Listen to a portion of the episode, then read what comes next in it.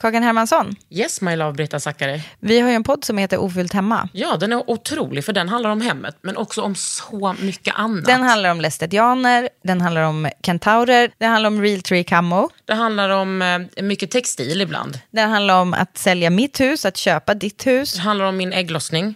Alltid. Ja. Min också. Tack. Den heter Ofullt hemma och den finns där poddar finns. Hörs i podden, hej då! Nice. Yeah. What you're hearing are the sounds of people everywhere putting on Bombas socks, underwear, and t-shirts made from absurdly soft materials that feel like plush clouds. Yeah, that plush. And the best part? For every item you purchase, Bombas donates another to someone facing homelessness. Bombas. Big comfort for everyone. Go to bombas.com slash ACAST and use code ACAST for 20% off your first purchase. That's bombas.com slash ACAST. Code ACAST. Det här är en podd från L. Idag är Talita här. Talita är en organisation som hjälper kvinnor ut ur prostitution, porr och människohandel.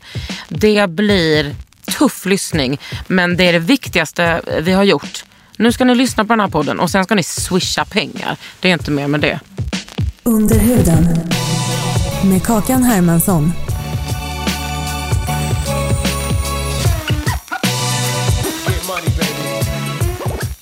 Anna Josefin. Ja, Gud, att jag hade det rätt. men det är få, han- få som har. Ja, eh, knappt våra egna män. Nej.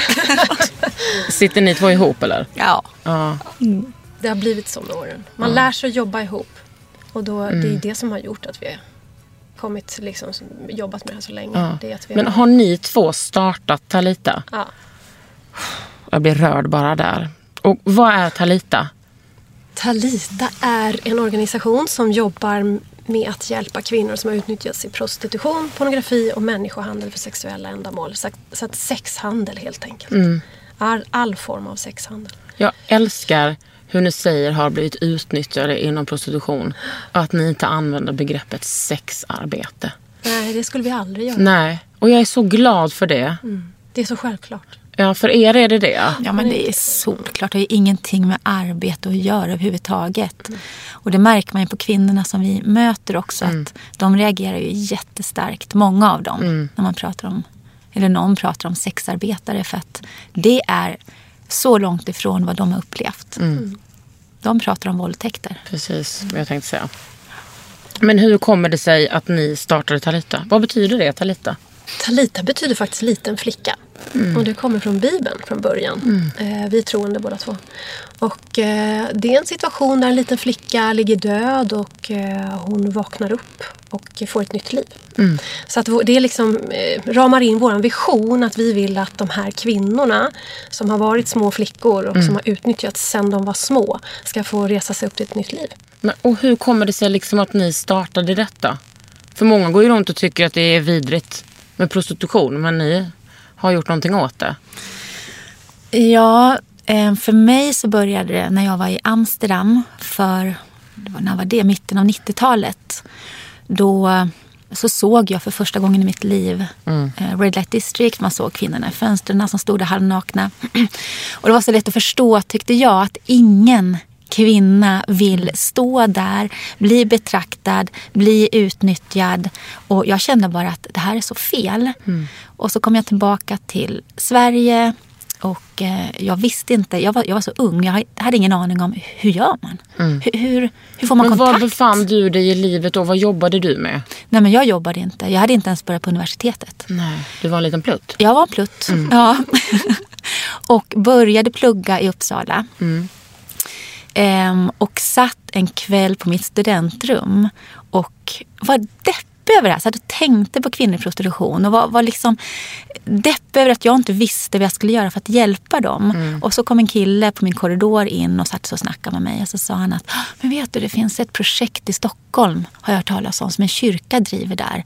De åker ut till Malmskillnadsgatan varje fredag natt med en omgjord SL-buss som är omgjord till café. Åk dit, prata med dem. Och jag åkte dit direkt. Jag gråter nu för det är hon ängen på Malmö. Nej, nej, Inte? nej. Det här projektet, Det här måste kanske ti- nej, det är tidigare. Det här är, projektet var mellan 98 och 2002. Men Elise Engen, hon fanns på Malmskillnadsgatan också då. Men det här var två parallellt, parallella projekt. Och Jos, Josefin ledde det här projektet med bussen. Ah. Så att jag kom dit och träffade Josefin och började vara ute på nätterna och prata där med kvinnor i prostitution. Och då var din, liksom, din enda ingång till eh, då kvinnor som utsatts för prostitution, det var att du hade sett dem i Amsterdam. Ja, exakt. Ja.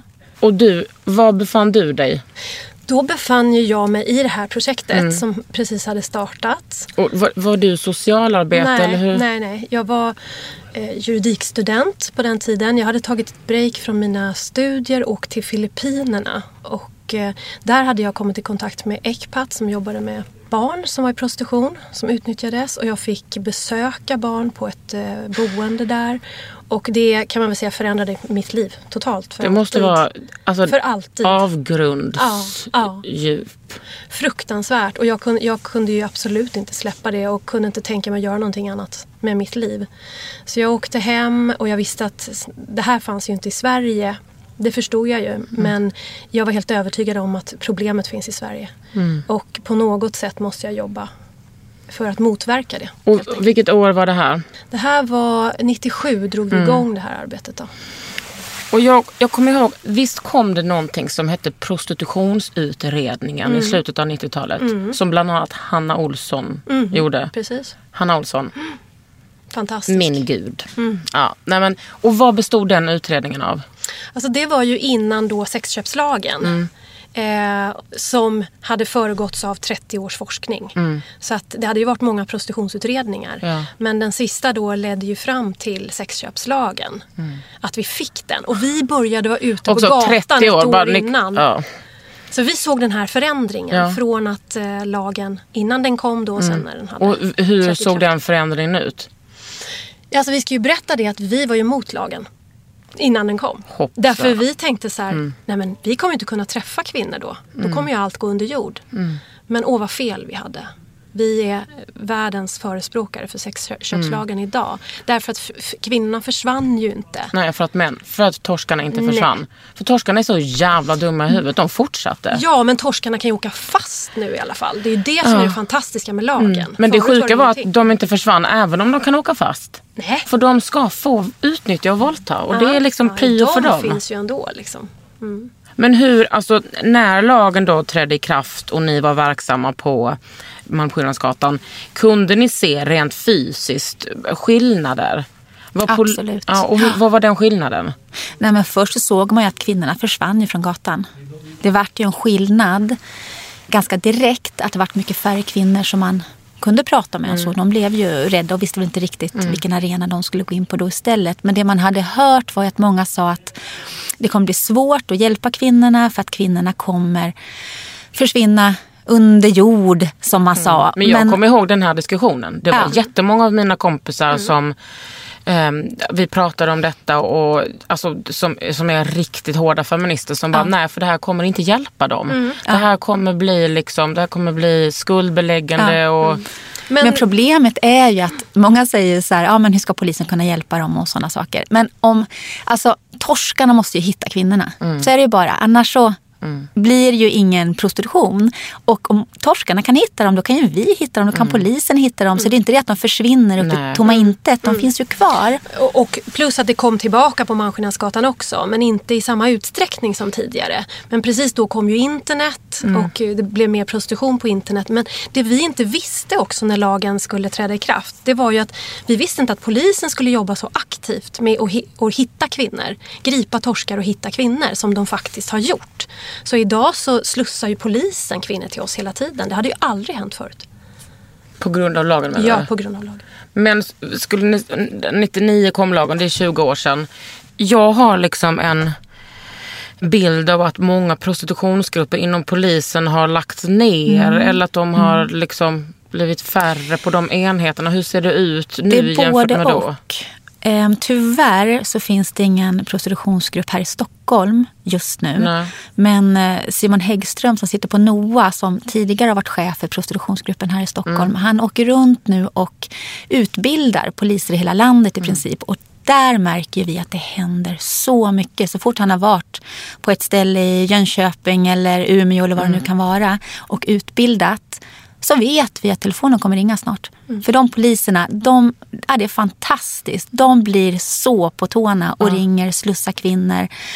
Ja, Alltså till er? ja till oss. Ja. Och vad är det då ni erbjuder de här kvinnorna?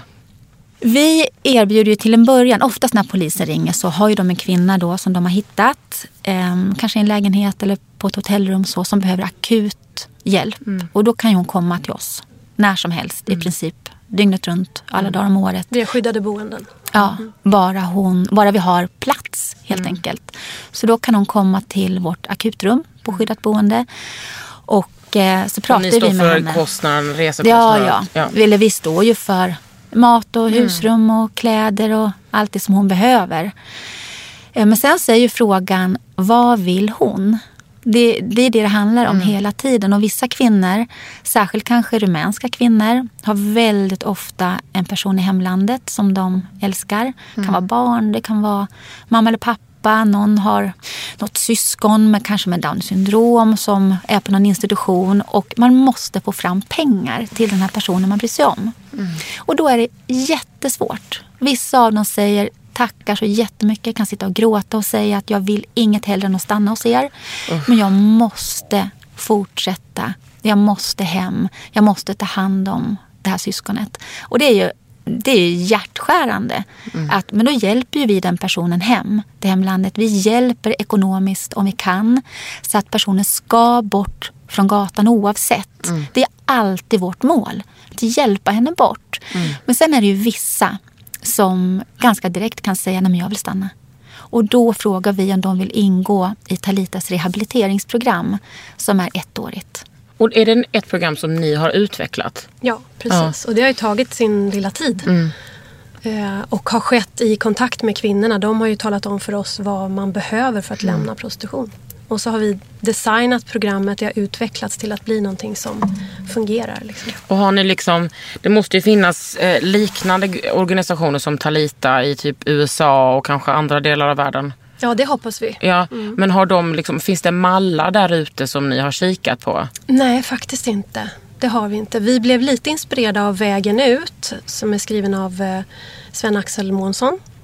Eh, för att den kom ungefär när vi eh, höll på att utveckla programmet. Och då hade de ju forskat på vad som fungerar när det handlar om att lämna prostitution. Och vi satte ihop den forskningen och annat som vi har läst under vår utbildning till traumaterapeuter. Så har vi läst om sexuella övergrepp och vad man behöver för, för stöd. Och så har vi satt ihop det med vad kvinnorna har berättat för oss att de behöver. Så att det är erfarenhet ihop med forskning kan man säga.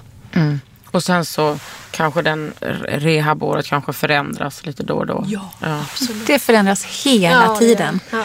Det, det är det som är så ja, fantastiskt. Att man känner att allt förändras ju. Mm. Tiderna förändras. Det man vet, kunskapen förändras. Vi måste förändras. Vi kan Mm. ju inte säga att bara för att vi bestämde för fem år sedan att det ska se ut så här så är det alltid det bästa. Men det som har stått sig det är ju att de behöver komma bort från sin situation. De behöver skyddat boende. Och de behöver undervisning som bygger upp dem. Och det är enkel psykologi. Ja, att som de får handlar självförtroende. om självförtroende och självkänsla.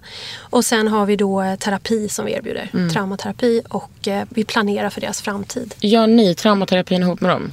Vi har gjort det i alla år. Eh, fram tills förra året faktiskt. Men på grund av att Talita har vuxit Mm. och vi finns i flera länder och sådär så har inte vi känt att vi har inte haft tiden. Så att Men det är nu, väl också bra att ni inte tar allting. Ja, men vi har jättebra psykoterapeuter som Ja. vi anlitar nu. Så det är Ja, fantastiskt. det funkar Vi är ju jättebra. traumaterapeuter men vi är inte psykoterapeuter. Nej. Så det har bara blivit bättre av att vi har lagt ut Och det. gud, jag har så många frågor. Finns det någon typisk eh, historia för kvinnan som kommer till er? Det gör absolut. Ehm, Det går ju alltid att generalisera sådär utifrån också vilket land det är man pratar om. Men pratar man till exempel Nigeria och generaliserar kring den kvinnan så är det nog ganska ofta så att hon eh, är ung när hon plockas upp. Och Och vad betyder ung? kanske är 15, 14, 15, 16, där någonstans. Många kommer från en provins som heter Edo som ligger i Nigeria. Där pågår jättemycket människohandel. Och eh, ofta är det så att det kanske kommer en person eller ett par ut till en by, mindre by runt Benin City. Och man uppmärksammar den unga flickan. Och ger henne komplimanger, kanske säger att du är så duktig på det du gör, du är så duktig på att fläta hår eller vad det nu kan vara, ta hand om barn. Och så erbjuder man ett jobb. Eller skola. Mm. Något av de två är oftast. Och säger att om du kommer med oss till Europa så kan vi hjälpa dig så du kan tjäna pengar. Vi ser att du har det fattigt. Är det ett speciellt ett fattigt område? Ja, det är ett fattigt område och av någon anledning så har, eh, finns det väldigt mycket korruption, eh, väldigt mycket kriminalitet, mycket människohandel mm. just i det här området. Och de lovar henne liksom guld och gröna skogar? Ja, det är verkligen guld och gröna mm. skogar. Och de här unga kvinnorna, eller tjejerna, de, de tror ju på det här. Mm. Och det enda de vill är att kunna hjälpa sina småsyskon, mm. hjälpa mamma, kunna få småsyskon att gå i skola och sådana saker. Och de har ju ingen omvärldskunskap överhuvudtaget, många av dem. Så att det är så lätt att få med sig dem. Och deras, deras bild av Europa är också helt så här, mm. de tror att Europa är paradiset. Mm. mm. Och sen när de flygs hit, flygs de med människosmugghandlare eller vad det heter? Eller flygs de själva? Någon möter de flygs inte. De flygs inte. Ofta, det har hänt att vi har haft kvinnor som har flugit till Europa. Men det som, de blir lovade flygresor. Men sen det som händer är, är att de naiv. åker genom eh, öknen. Eh, via Niger ofta, tror jag att det är. Och så kommer de upp till eh, Libyen. Och så är en del av dem där upp till ett år till och med. Eh, och blir våldtagna, utnyttjade tills det är dags för dem att åka över Medelhavet i sina gummibåtar. Och eh, en del av dem eh, blir ju sjuka och till och med riskerar att dö liksom under bara resan. Ja, det gör man ju eller? alltid på den det där så, ja. Men när de är i Libyen, vem är det, börjar de säljas redan där? Ja, många börjar säljas redan där och en del Eh, en del har en person med sig som människohandlaren har utsett.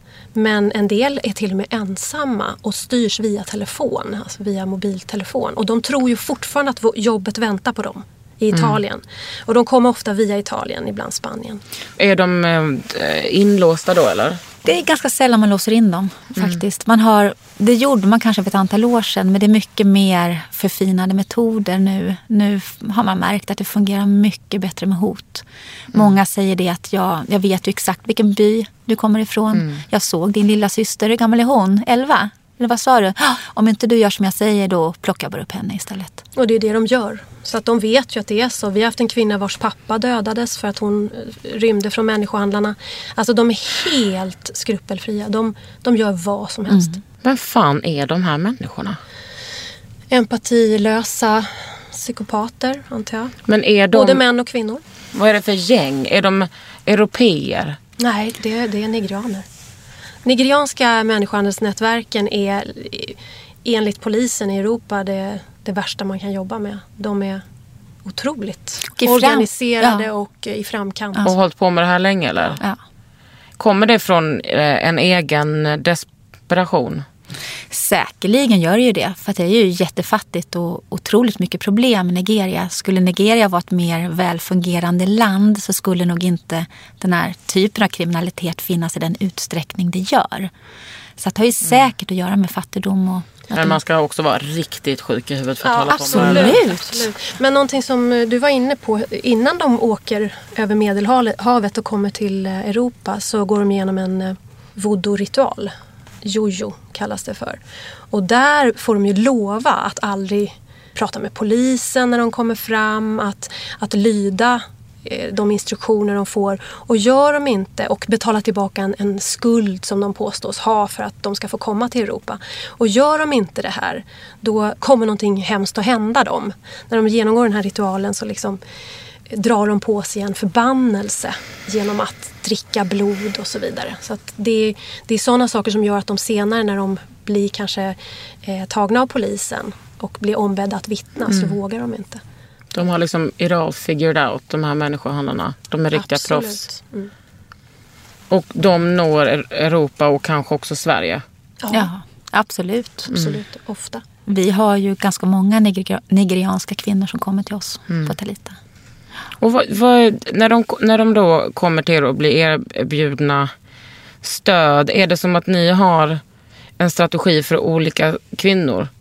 Alltså de östeuropeiska, de nigerianska och de som... Ja, det är väl både och kan man säga. Vi försöker väl mer se det som att vi har, försöker vara flexibla för varje individ. För att det är svårt att tänka att så här, så här funkar det.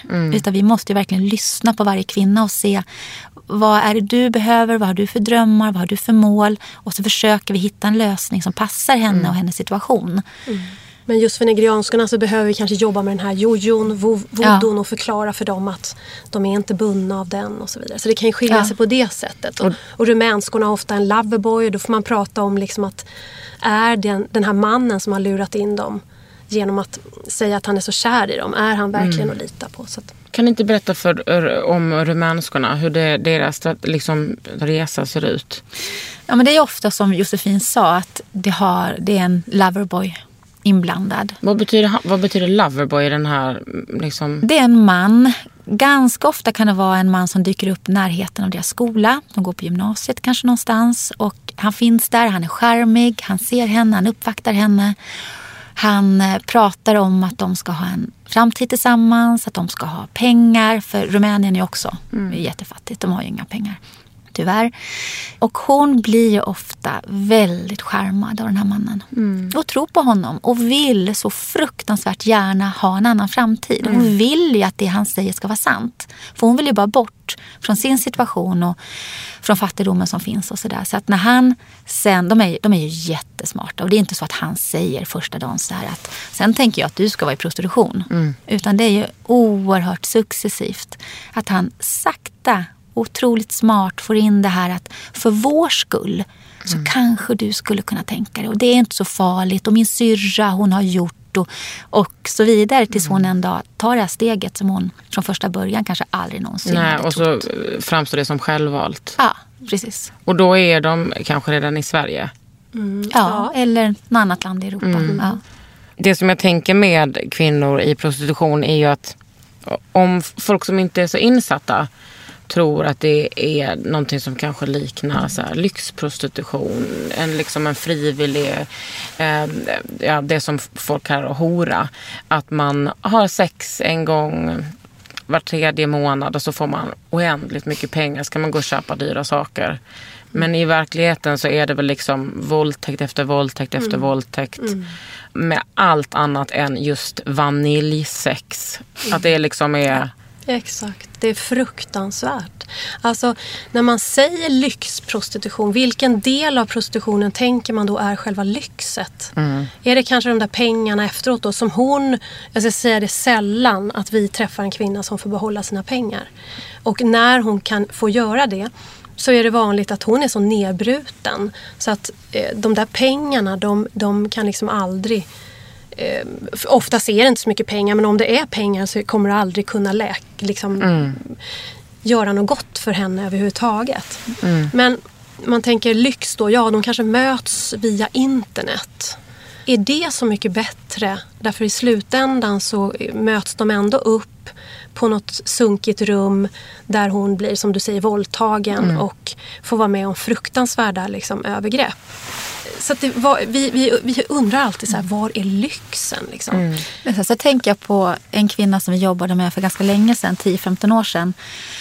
Om henne så var ett uppslag, jag minns inte vilken kvällstidning det var, ett stort så här, uppslag, lyxprostituerad, bla bla bla. Så var det någon form av intervju. Och så träffar man själv henne i terapi och vet hur hon mår. Hennes depressioner, hennes ångest, hennes liv i det här. Men man framställer det gärna som att det finns en genre, eller man ska säga, som är lyxprostituerade för att göra det lite, det ska vara lite glamour, det ska vara lite Mm, men då ska man också gå tillbaks med varför ska man porträttera detta så? Det måste ju vara för att män fortfarande ska tycka att det finns ett alternativ Ja. för dem att Absolut. köpa kvinnor. Det är absolut det det handlar om. Att, att, att göra, precis som porren idag faktiskt, att man ska göra det man ska prata om det på ett sätt så att de in, ingen ska få dåligt samvete. Nej. Och man ska inte sku, skum och, Nej. eh, skuld och skambelägga någon utan det ska vara liksom Om- det ska inte kännas dåligt för Nej, dem. För mannens makt och utlösning är ändå det viktigaste. Absolut. Så har det väl alltid varit.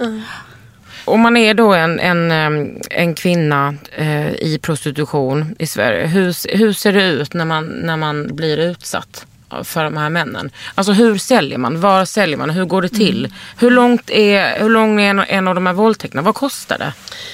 Eh, jag Om tror ni har det något intresse- berätta, eh, kan berätta om en situation. För vi fick två slussningar nu i veckan som gick. Vad betyder slussningar? Ja, från polisen när polisen hör av sig och har, två, eller har en kvinna som behöver hjälp. Mm. Och så hör de av sig. De kan ringa vår jourtelefon när som helst Mm. på dygnet. Och ni är så etablerade i polisen, de vet liksom att De vet då ringer vi. Talita. Ja, eh, därför att vi är de som har... Jag tror att vi är kanske de enda eller en av få som har dygnet runt öppet. Så att säga. Och ni är liksom inte en statlig instans. Nej. Nej. Nej, det är vi verkligen inte. Eh, men då när de hör av sig, som till exempel nu då i veckan som gick, så var det en kvinna som var på ett lägenhetshotell och vi åkte ut eh, för att prata med henne och motivera henne när polisen hade varit där. Vad hade polisen gjort då? Tagit en torsk? Ja, precis. De söker ju alltså upp då annonser på internet. Och så spelar de torsk och tar kontakt med kvinnan. Och ehm, när hon, de kommer dit så avslöjar de att de är polis. Ibland för att söka upp och erbjuda henne hjälp men oftast för att gripa torskar samtidigt. Ja, som är kommer där i, någon, i något annat rum. Ja, ja som, som helt enkelt de kan spana och se att det kommer flera stycken under den tiden och så griper de torskar. Men när vi kommer dit så är det här över och vi ska motivera kvinnan att ta emot hjälp. Och i det här fallet då så sitter en, en ung kvinna på rummet och väntar på att få prata med oss. Hon har varit i Sverige under några år. Hon eh, har blivit utnyttjad. Hon, har, hon berättar om hur hon aldrig kan veta vilken torsk, vem det är som ska komma och köpa henne. Någon gång har hon hoppat från, ut från fönstret för att fly från en man som sa att han ville mörda henne. Eh, hon visar på kroppen hur hon har ärr, har blivit slagen, bränd.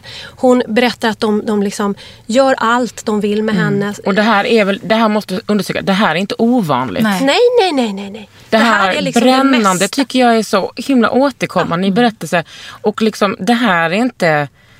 Visst att de blir kåta av, av, av det här men det är liksom... Det är våld Ja, det handlar det är om. så mycket våld. Ja. Och det är de här kvinnorna också som det kan skrivas om sen nästa vecka som lyxprostituerad.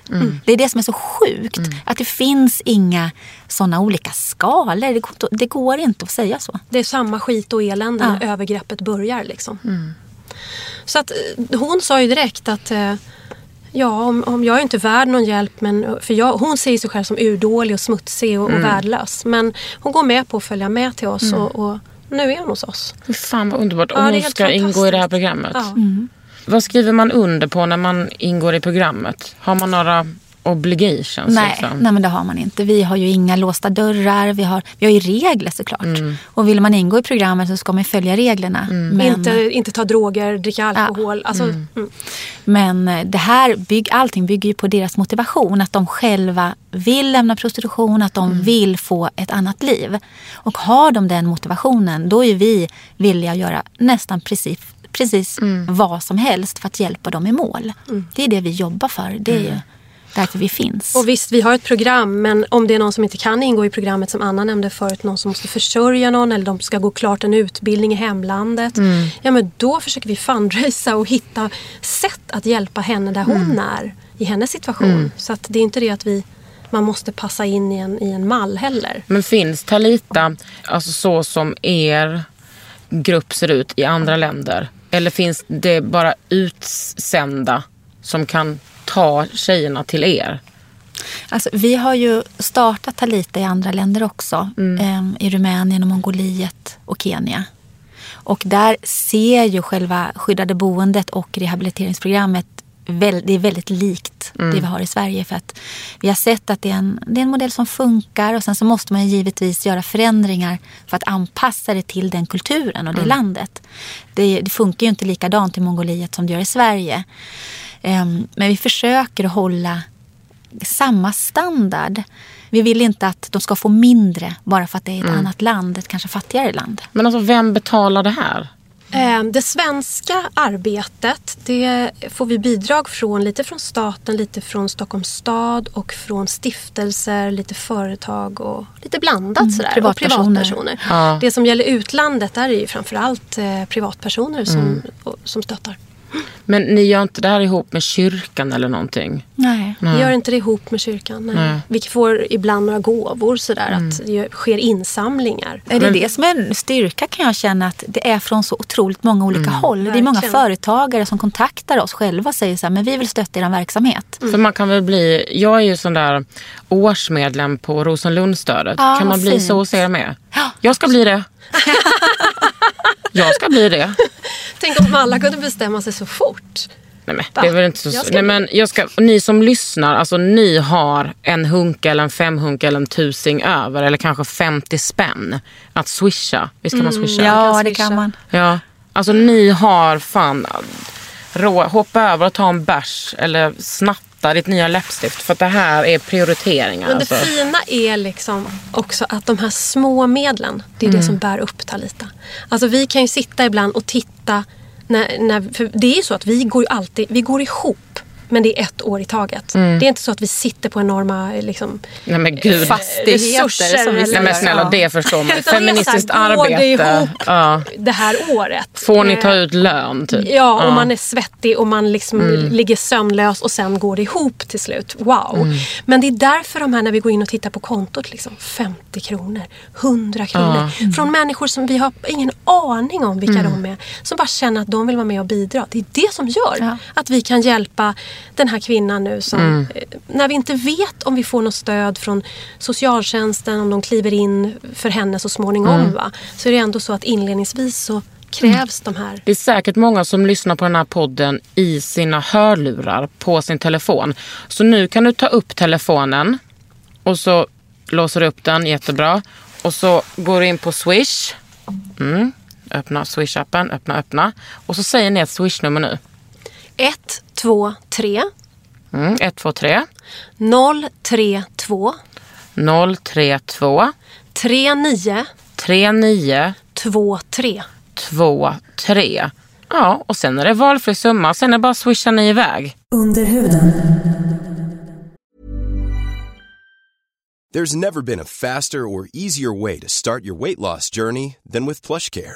PlushCare accepts most insurance plans and gives you online access to board-certified physicians who can prescribe FDA-approved weight loss medications like Wigovi and Zepbound for those who qualify. Take charge of your health and speak with a board-certified physician about a weight loss plan that's right for you. Get started today at plushcare.com slash weight loss. That's plushcare.com slash weight loss. plushcare.com slash weight loss. I'm Sandra, and I'm just the professional your small business was looking for. But you didn't hire me because you didn't use LinkedIn jobs. LinkedIn has professionals you can't find anywhere else, including those who aren't actively looking for a new job but might be open to the perfect role, like me. In a given month, over 70% of LinkedIn users don't visit other leading job sites. So if you're not looking on LinkedIn, you'll miss out on great candidates like Sandra. Start hiring professionals like a professional. Post your free job on linkedin.com/people today. Jag tänker, vi ska inte hålla tillbaks med fakta om, om hur vidrigt det är. Nej, jag tänker att vi, vi måste berätta eh, hur, hur en vanlig dag för de här tjejerna kan se ut innan de kommer till er. Nej, men det som vi har sett också är ett problem idag det är ju det här kopplingen mellan pornografi och prostitution.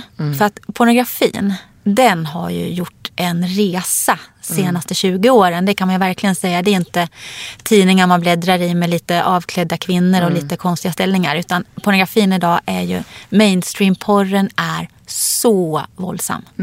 Väldigt många tror jag kanske som lyssnar också inte har sett hur porren ser ut idag skulle nog bli chockerade när man förstår hur mycket strypsex, hur mycket våld, hur mycket kvinnoförnedring, hur mycket spottar Mycket på och sånt games. där. Och det är ju det här som många har. Alltså man kollar ju först på porren och sen så kanske man bestämmer sig för att jag vill köpa en kvinna, betala för henne för att få utnyttja henne. Och så vill man ju sen göra det här man har sett.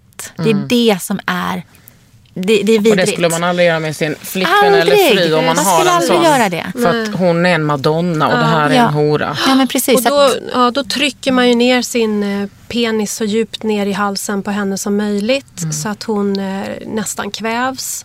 Och det är det- sådana saker våra kvinnor får uppleva. Slagna, strypta. Ja, kan ha märken på halsen när de kommer till oss. Någon kvinna? person kunde knappt prata Nej, för att hon precis. var så förstörd i halsen för att man har tryckt ner den där penisen så långt. Och det där, det är ju vardagsmat för de här tjejerna. Det är det man måste Det förstå. måste ju vara mycket analt också. Ja, ja.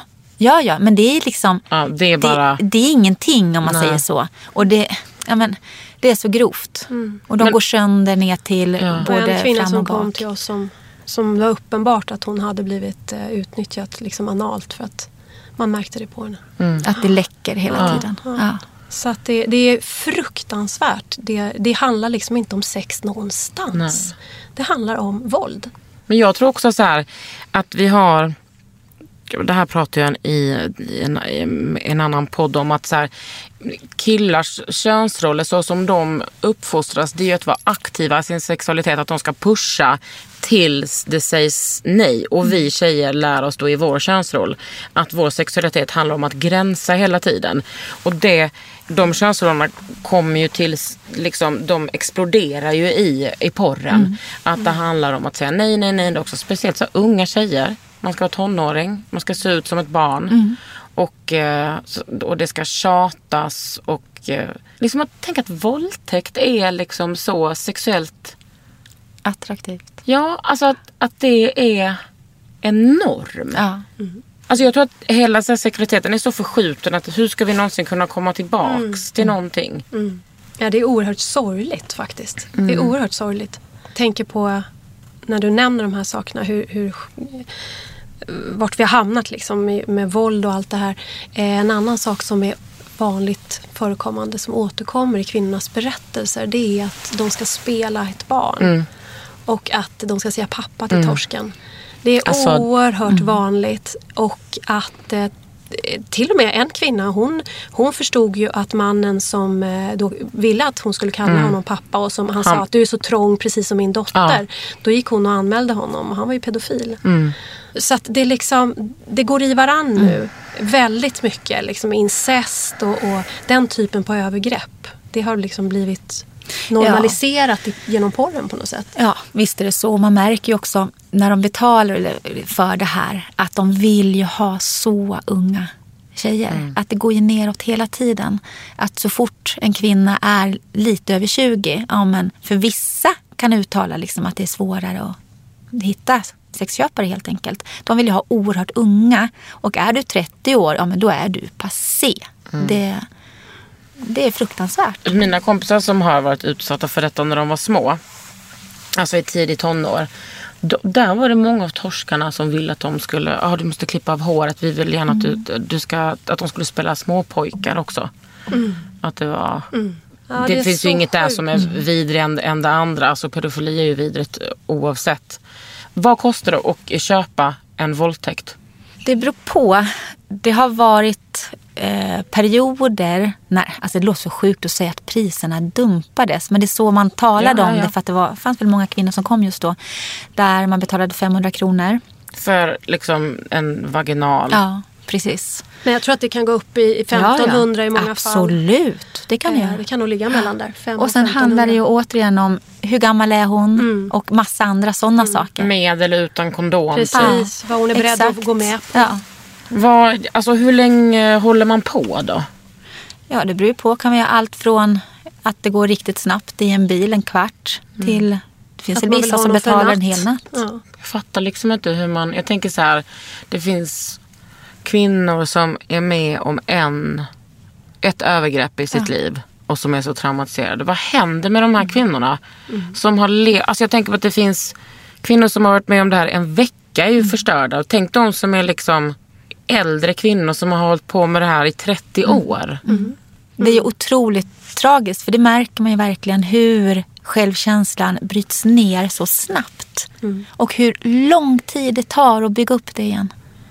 Jag tänker på en kvinna som var lite äldre som kom till oss. Och som, alltså hon kunde inte sluta duscha och tvätta sig. Hon skruvade isär alla sina möbler i sitt rum. För att hon var tvungen att skura dem och eh, hon, hon, hela huset luktade Ättika. ättika. För att hon, alltså, det, är, det är det som händer med en människa när man har ut, varit utsatt i flera år. Liksom. Man bryts ner totalt. Och sen kan man hålla upp ett, en fasad med opererade läppar och liksom jag älskar det här som jag gör. Men det är det här vi ser. Det är hon som står i duschen och skurar sönder kroppen för att hon hatar sig själv så mycket. Och då förstår jag att när du säger det här med opererade läppar så är det för att det är någonting du har sett, inte bara en åsikt du Det var har. den kvinnan. Det är den Ja, kvinnan precis. som jag pratar om. Hon hade en fasad. Och hon liksom pratade om sina opererade läppar. Men vi såg ju den här fruktansvärda liksom, sorgen.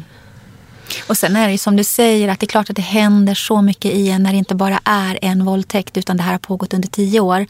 Det märks ju så enormt stor skillnad om vi kan hjälpa en tjej som är kanske 18, 19 år när man märker att det har inte pågått under så mm jättelång tid.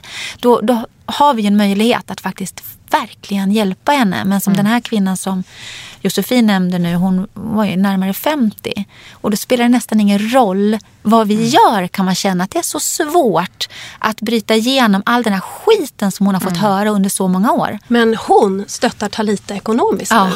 Bara så att alla vet att det kan verkligen Är hon fortfarande i prostitution? Nej. Nej, Hon hon är inte det. underbart. Men jag tänker så här, när männen kommer, är de liksom förberedda och har en tydlig bild av vad de vill göra? Bra fråga. Det är Simon eh, brukar ju prata en del om, om männen och hur, hur de är när de träffar på dem. Vad tänkte du säga?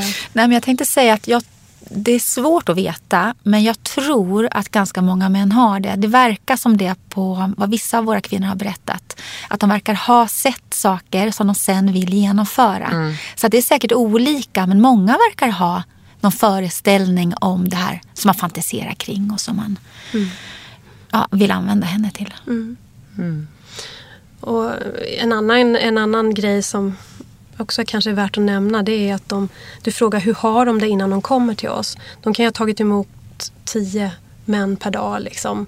Det är inte ovanligt. Nej. Och ofta också under, jag tänker på den här kvinnan som kom till oss för några år sedan. Som, hon hade fått eh, träffa torskar även fast hon hade mens. Det spelade liksom Ja. ingen roll. Eh, och hon fick inte ens gå och tvätta sig mellan liksom, eh, torskarna även fast hon blödde.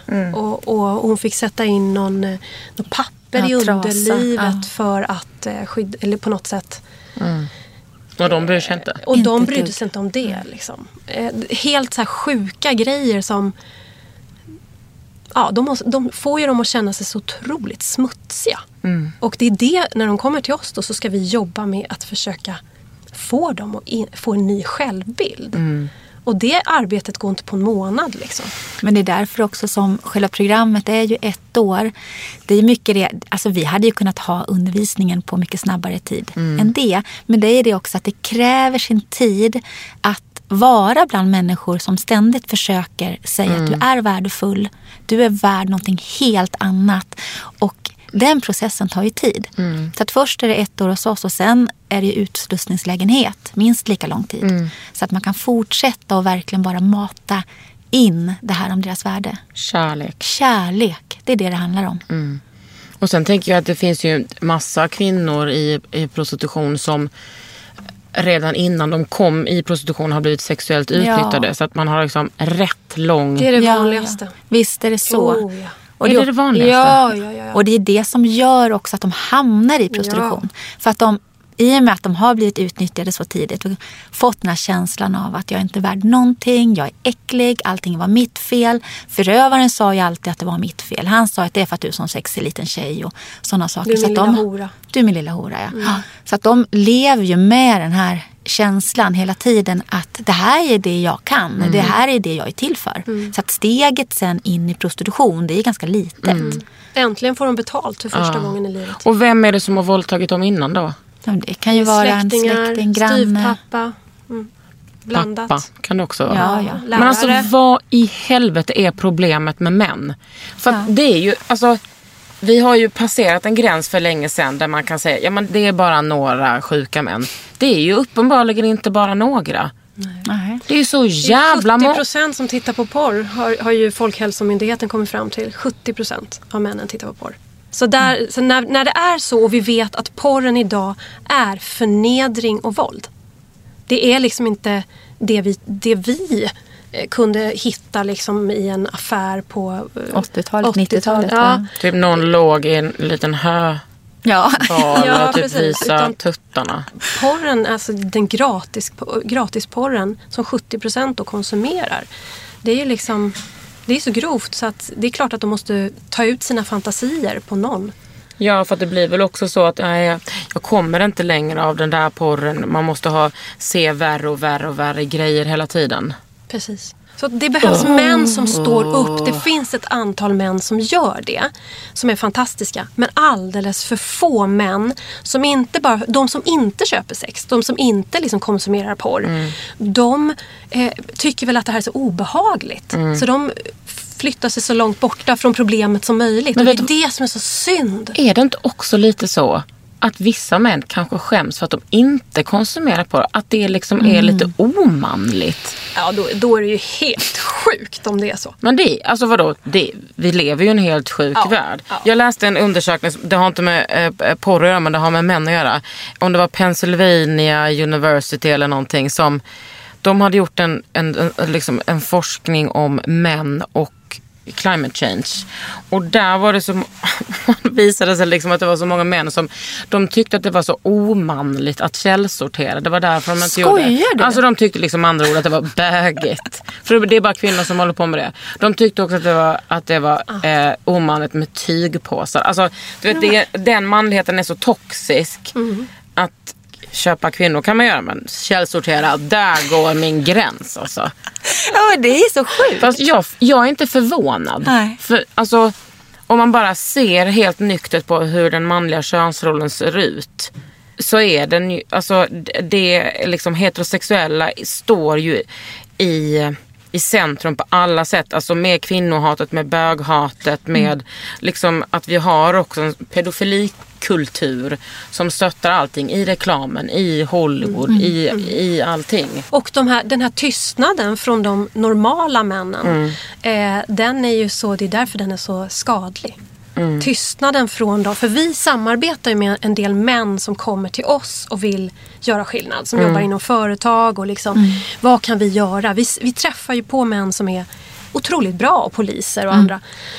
Men när män är tysta, det, det är... Då, då hörs ju bara, bara Mm, men de är väl också, sidan. alltså det är det, män och manssolidaritet. Om Ja. de är liksom, de är väl rädda för att så här, stöta sig med, sin, med alfahanen som kollar på porr. Eller en annan hane som, som konsumerar liksom. Men jag, alltså tänk att det liksom, tänk att man har killkompisar som har köpt sex. Alltså jag kan liksom inte, Men det har du ju. ja jag vet. Jag måste ju ha det. Det är skitjobbigt. Men hur sjukt, jag, jag, vet ju hur, jag vet ju om mina väninnor som har liksom blivit utnyttjade i prostitution. Men jag Men du vet inte vilka killar som du umgås med som har köpt sex? Nej. de skulle ju aldrig säga det till mig. Nej. Alltså, Det gör man i just mig. Tyskland däremot. Då skryter man om det. Mm. Som jag har hört från Rosenlundstödet från, från några av tjejerna som är där i prostitutionen. När snuten kommer, ja där kommer kunderna. Eller ja, där kommer torskarna. Att jag menar det måste ju vara så här, varje instans, polisen, eh, jurister, socialarbetare, byggherrar, alla de, alla olika kategorier av män köper ju Ja, sex. ja men ju. Eller våldtäkter. Men, för det finns väl ingen typisk Nej. man som Nej. köper sex? Nej men det gör inte. Det, All- det är ju det som är all- typiskt, att det är alla Ja. typer. Ja. Alla åldrar, alla yrkeskategorier, alla nationaliteter. Det, det finns ju ingen typisk torsk. Det gör det ju inte. Det hade nästan varit lättare om det gjorde det. Kunde man liksom ja, målsöka just den gruppen. Men det är ju verkligen inte så. Men jag, tycker, jag tycker vi ska understryka, fall om det är någon man som lyssnar, Mm. så tycker jag vi ska understryka att det finns inga kvinnor som är i prostitution frivilligt. Mm. Det är väldigt, väldigt viktigt att förstå det. För att jag tror att en viss grupp män eh, gömmer sig bakom det där. Att de Mm. tror, ja men den, den kvinnan jag har träffat, hon säger verkligen att hon gör det här frivilligt. Mm. Hon är Men inte där kan frivilligt. Snälla inte rara. Veta. Nej. Därför att alla ser likadana ut när de är där. Mm. Men när de kommer ur det, då, det är då de bryter ihop. Och det är då de talar om hur det verkligen var. Ja, för dem, Så han kan aldrig se nej, det. de är ju där för att liksom fixa en orgasm Ja, exakt, till den här precis, mannen. ja. Hon, väl, hon kan väl ljuga hur mycket som helst. Ja. Hela hennes liv går ut på att Och det säger liksom. ju vi när de kommer till oss. Det är jättemånga som kan säga så här, nej men jag vill inte vara här, det här är helt frivilligt, jag har ju valt det här för att jag vill det, bla bla bla. Och det håller i ett dygn eller två dygn eller tre dygn. Mm. Men förr eller senare så faller alltid den där masken. Mm. Och sen så berättar hon varför hon hamnar i det. Övergreppen, pengarna, pojkvänner som tvingar henne. Allt det här kommer ju sen. Men hon måste ju hålla känslorna på avstånd när hon är i prostitutionen. Det går inte att Nej, känna. men det är väl det som Det är det kallas som är- för... Eh, jag och min pappa har pratat mycket om det här. När man liksom stänger Avstäng, av ja, ja, kroppen från hjärnan. dissocierar. Dissocierar, precis. Ja, jag har faktiskt också pratat med min psykolog mycket om. Nej, men att det, är liksom, det är en sån överlevnadsstrategi. Precis. Och allting som hon säger till dig sexköpare är ju en överlevnadsstrategi. Ja, visst. Någonting som jag undrar är så här, hur fan pallar ni det här? Hur, vem går ni och pratar med? Och hur, för att jag, men jag tänker man, man hör mycket så här från kvinnojoursკvinnor. Man ska inte jobba mer än tio år med mäns våld Jaha. mot kvinnor. Oj, det har vi aldrig lyssnat på. Nej, jag hör, förstår det. Nej, men det, alltså, för det första har vi världens bästa handledare. Så att det, Mm. Och vem är det? Vad har hon liksom för... Katarina Tingström heter hon. Ja. Hon har länge jobbat med polisen tidigare i lite liknande Handledare. frågor. Mm. Hon Handledare. kommer på den här Talita-dagen. Det tror vi att hon gör. Ja, Hon, hon är inte Men hon någon ska inte tala. Nej, nej, hon, Nej. Hon, hon, hon är ingen talare. Nej. Men sen så tror jag också att när vi träffar kvinnorna, då är de nästan alltid längst ner. Mm. De mår skit. De kanske, ja men man har hittat dem. Det har varit, de är människohandlade eller det är ju det är hallickar, det är alla de här sexköpen. Det, de mår ju jättedåligt. Men sen det vi får se, det är ju hela den här vägen uppåt. Vi är ju med under hela rehabiliteringsfasen. Vi får ju se när de börjar skratta. Vi får ju se första gången de sä- säger att jag kommer i kontakt med mina känslor. Jag vet vad jag tycker om för någonting. Jag vet att jag gillar jordgubbar. Allt det här, det är det vi får möta varje gång vi träffar kvinnorna. Så att vi har har ju världens bästa jobb. bästa jobb. Det, det är verkligen så. De här Och- och kvinnorna är fantastiska att arbeta tillsammans Och med. berättelserna är jättesmärtsamma men någonstans är det ju så att de vet man ju om. Alltså man vet ju om det ändå. Hur vidrigt det är. Eller hur? Ute i, Så att, att vi får göra någonting och inte be, bara behöver höra det här hemska. Utan vi får verkligen vara med och påverka och se utvecklingen. Det är fantastiskt. Men är det liksom, jag tänker, ni måste väl också utsätta er för fara? För jag tänker att det finns så många hallickar, liksom människoligor där som vill ha tillbaks tjejerna. Ja, men de är inte så intresserade av oss. Nej. Vi har aldrig upplevt Nej. någon gång att vi har varit utsatta för fara. Utan det har hänt vid något tillfälle att man... Det är klart att många vill ha tillbaka kvinnor. Det är massa pengar det handlar Mm. om och vissa vill statuera exempel genom att straffa kvinnan och så. Mm. Och det har hänt vid något tillfälle att man har gett sig på någon, men då är det utanför boendet. Mm. Man, man går inte till boendet. Det är massa människor som arbetar som inte drar sig för att ringa polisen eller Mm. göra någonting sånt. Hur ser det ut nu för tiden med mord på prostituerade? Jag tänker att det liksom är... Det beror på vilket land du pratar om. I Sverige har vi inte sett ett mord på en kvinna i prostitution på ganska många år. Men i Tyskland till exempel, där Mm. som jag har förstått det har man ganska höga siffror på det. Ja, och kan, alltså jag tänker i typ Brasilien och väldigt speciellt väldigt många transkvinnor. Menar du då att vi har inte sett ett mord i Sverige eller vi vet inte om? Att de inte rubricerat Oj, det? bra fråga. Det är en bra fråga. Jag bara Mm. minns, alltså det här kan vara så fel, men som jag minns så var senaste gången 87. När var Katarina Costa? Jag var kan tidigt. inte det årtalet. 83, ja, tidigt, 81 kanske. Så inte vad man känner till. Nej. Att en kvinna har blivit mördad och har varit i prostitution. Eh, men självklart kan det finnas här kan det ju finnas Mm. eh, saker man inte vet. Men eh, vi tror ju att sexköpslagen har också lett till att vi tänker annorlunda i Sverige. Mm. Att det finns eh, rötägg överallt såklart men polisen har ju en kunskap idag och andra myndigheter också om att det här är en utsatt grupp i samhället. Mm. Och de räknas som en utsatt grupp. Men då undrar jag lite varför finns då inte, varför måste Talita finnas? Varför finns det inte en nationell grupp? Ja, Som- Du menar sk- skyddade boenden som drivs av staten? Ja. det finns för få sånt. Det finns alldeles för få eh, initiativ från staden. Liksom. Ehm, då menar jag inte på Stockholm bara, jag menar Nej. liksom runt om i Nej, men om, om vi har erkänt, liksom, om polisen och andra instanser har erkänt att det är ett problem, då ska det väl finnas liksom, pengar till att plocka upp de här kvinnorna Mm, ja, men det och, kan man ju verkligen och tycka. vårda. Nej, för just det, för det var bara kvinnor. Men i vår lagstiftning så finns det ju inget sånt skrivet utan det skiljer sig ju till exempel från Frankrike som ganska nyligen också har en skaffat sig en liknande lagstiftning som vår sexköpslag. Och där har man ju även skrivit in det här att kvinnan ska få möjlighet till rehabilitering. Och det skiljer sig ju jättemycket. Men alltså vi har inte ens, vi har inte ens för minderåriga. Mm. Alltså vi har inte för svenska tjejer som är i prostitution och som vill lämna. Har vi inte hjälp ifrån Mm. statligt kommunalt håll.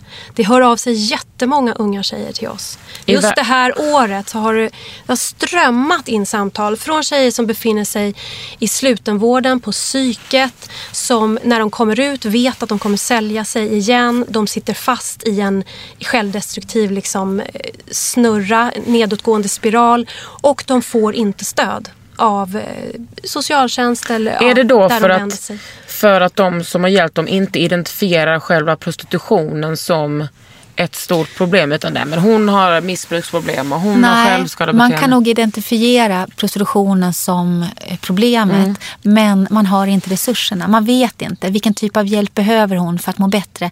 Det finns inte riktigt den kunskapen. Ja, och sen om den står vi finns så här, finns feminister och bara redo för att jobba. Ja. Men till exempel ett fall nu så, så är det eh, kunskapen kanske finns att en, kvinn, en ung tjej behöver en viss vård. Men den finns kanske inte i hennes kommun. Mm. Och är man då beredd att betala för en plats utanför kommunen? Nej, Nej, inte alltid. man är beredd på att betala en liten polisinsats när det är derby. Ja, är killar nu kör vi. Det är väl klart att ni ska få suga ut lite ännu mer goda pengar från Alltså jag skulle vilja betala så mycket skatt till det här. Ja. Jag, vill bara, jag vill bara ge alla mina pengar till det här. Ska swisha. Det är Oj, många oj, oj. som håller med dig. Mm. Alltså, vi är beredda att lägga resurser på det. Och gud, i, Sver- i världens mest feministiska land. Mm. Gud, jag blir så jävla förbannad. S- Kommer fan inte att säga att feminismen har gått för långt. När vi har... Nej. Alltså, hade vi haft en enda person kvar i prostitution så hade det inte gått för långt. Kan ju inte gå för långt. Alltså hur fan kan livet vara så här fult? Fan är det... Alltså jag fattar liksom inte att det är så här... Män är så jävla besatta vid sin äckliga utlösning och, sin liksom, och den här makten. Att man har... Själv tycker man typ att det är lite jobbigt att köpa en ny tröja för att man bara, gud det här känns inte bra, jag skulle köpa second hand. Nej. Men jag fattar Ja, inte att inte precis. fler män tänker efter. För hur svårt är det att fatta att kvinnorna inte vill det? Hade de velat hade de väl inte behövt få betalt? Nej. Hur svårt kan det vara att Men fatta? de tycker väl att de hjälper dem. Ja. Och sen när de åker fast, åh nej. Ja, ja, då Säg är det det- där, mitt liv kommer Ja. förstöras. Exakt mina, så är det. Min fru, mina barn, bla bla bla.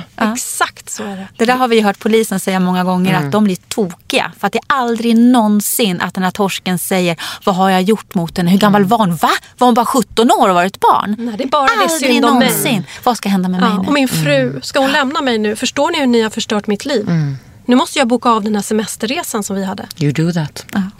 Men den här dagen som ni har eh, den 7 oktober, den kan ju vem som helst komma på. Ja, Kostar absolut. 750 kronor. Yes. Det är avdragsgillt om man har ett företag. Ja, och välinvesterade pengar för att vi, allt går ju in i vår verksamhet som inte går till maten Ni den kunde dagen. tagit lite mer betalt tycker jag. En tus. Nästa år får det vara Ska en vi ta tusen tusing. spänn då? kanske vi ska göra.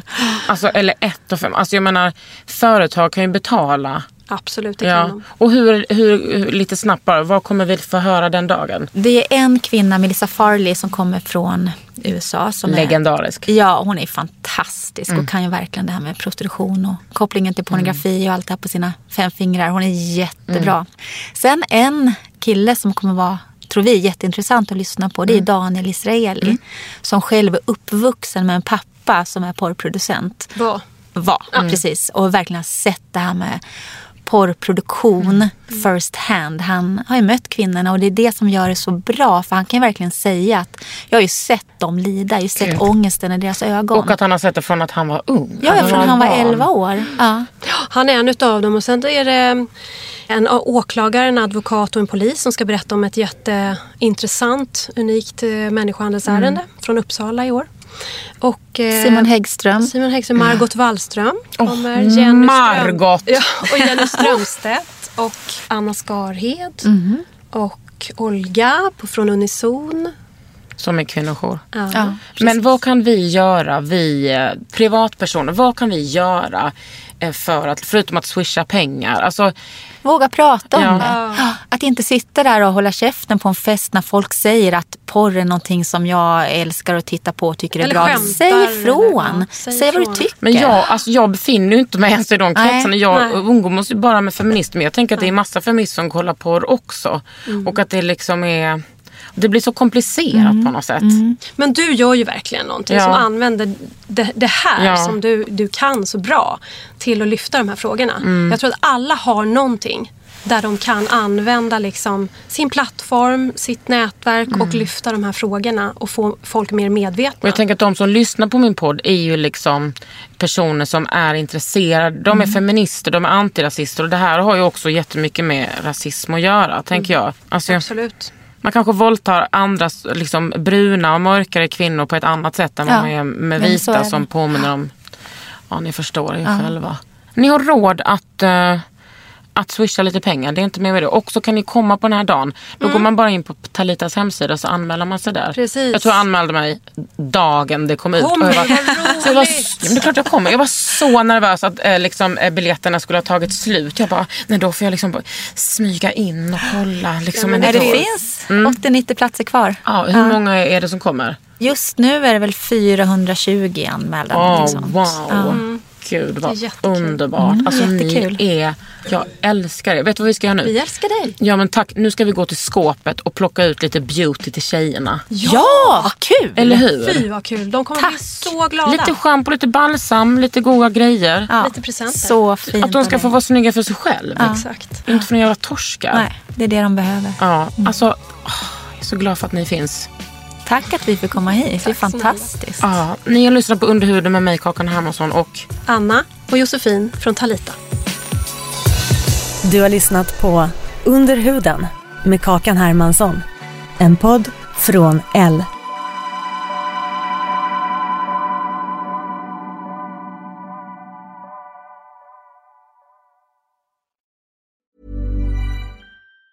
Planning for your next trip? Elevate your travel style with Quince. Quince has all the jet setting essentials you'll want for your next getaway, like European linen, premium luggage options, buttery soft Italian leather bags, and so much more. And it's all priced at 50 to 80% less than similar brands. Plus, Quince only works with factories that use safe and ethical manufacturing practices. Pack your bags with high-quality essentials you'll be wearing for vacations to come with Quince. Go to quince.com slash trip for free shipping and 365-day returns. Hey, it's Paige DeSorbo from Giggly Squad. High quality fashion without the price tag. Say hello to Quince.